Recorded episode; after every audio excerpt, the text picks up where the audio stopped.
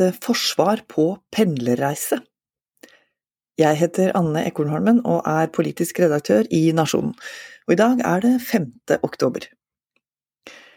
Landet kan ikke forsvares fra et flysete. Våre militære må i større grad bo der de tjenestegjør.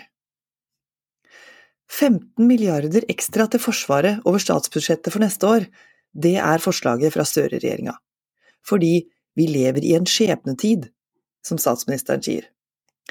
De øker forsvarsbudsjettet for 2024 til nesten 91 milliarder kroner, 20% mer enn sektoren får i år. Vi ruster opp. Og om det er noen som lurer på om det er nødvendig, eller er kritiske til pengebruken, så hever de ikke stemmen noe særlig. Finansminister Trygve Slagsvold Vedum fra Senterpartiet og statsminister Jonas Gahr Støre fra Arbeiderpartiet kaller en av 2024-budsjettets største enkeltsatsinger for landets forsikringspremie, sammen med medlemskapet i Nato og forholdet til våre allierte. Derfor har de økt forsvarsbudsjettet med 40% siden de tok over regjeringskontorene for to år siden. Russlands angrepskrig i Ukraina gjør den sikkerhetspolitiske situasjonen utrygg og uforutsigbar. Vi kjenner jo på det alle sammen, ikke minst er den grimme realiteten av å ha en aggressiv nabo i øst høyst tilstedeværende i Nord-Norge. Der var livet og næringslivet fram til 24. februar 2022 prega av daglig omgang med russere. Der er hverdagen mest endra, og der er Forsvaret hjørnesteinsbedrifter. I alle fall mellom mandag og torsdag. 2000 ansatte i Forsvaret er nemlig ukependlere. De jobber ved militærbasene i for eksempel Målselv og Bardu i Troms fire dager i uka, og reiser hjem hver torsdag eller fredag, til Drammen, Lørenskog eller Arendal. En ordning som har tiltatt de siste åra, ifølge NRK. Det er jo ikke noe rart at folk vil tilbringe helga med familien. Det må Forsvaret legge til rette for, forståelig nok. Mange har opplevd det belastende og slitsomt å vokse opp i en forsvarsfamilie med krav om omplassering og gjentatte flyttinger.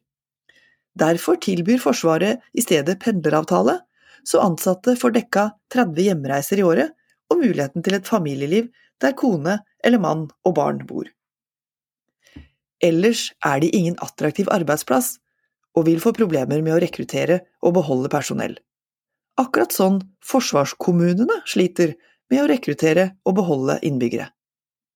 Folk er den viktigste ressursen vi har, sier forsvarssjef Bjørn Arild Gram fra Senterpartiet til VG. Det samme kan tettstedene, småbyene, lokalsamfunna si. Kommunene trenger folk. Der sitter ordførerne, med negativ befolkningsvekst og en demografisk utvikling som peker mot solnedgangen. Kommunene trenger bosetting, trenger familiene til de forsvarsansatte, de trenger unger til å fylle klasseromma, koner som kan være veterinærer, leger eller fotballtrenere i idrettslaget. De trenger ektemennene til de forsvarsansatte som rørleggere og IT-konsulenter og kordirigenter. Kommunene trenger at forsvarspendling er på et absolutt minimum, og at flere i stedet melder flytting og bosetter seg på arbeidsstedet og blir en del av lokalsamfunnet. Kommunene trenger økonomien, skatteinntektene som faste innbyggere gir. Dessuten så ville Forsvaret spart vesentlig millioner kroner årlig om de kunne stryke kost-, losji- og hjemreisebudsjettet for alle som bor på Østlandet. Jeg ser gjerne at ansatte med familier i større grad bosetter seg ved tjenestestedene, det har betydning for beredskapen, for distriktspolitikken, og at Forsvaret skal fungere på en god måte, sier Gram.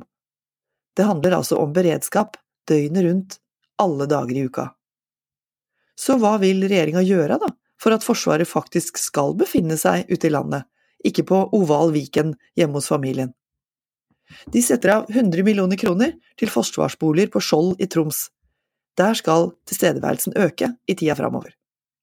Ordførerne jobber også med å få flere til å melde flytting, med ordninger som gjør det mer attraktivt og lønnsomt for flere forsvarsansatte å etablere seg permanent i nord. Men det er krevende å konkurrere mot det generelle sentraliseringssuget og mot Forsvarets gode pendlerordninger.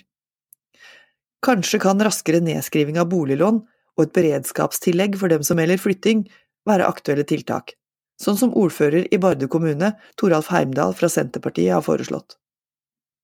Jobben med tilflytting og bosetting er den tomme restaurants logikk.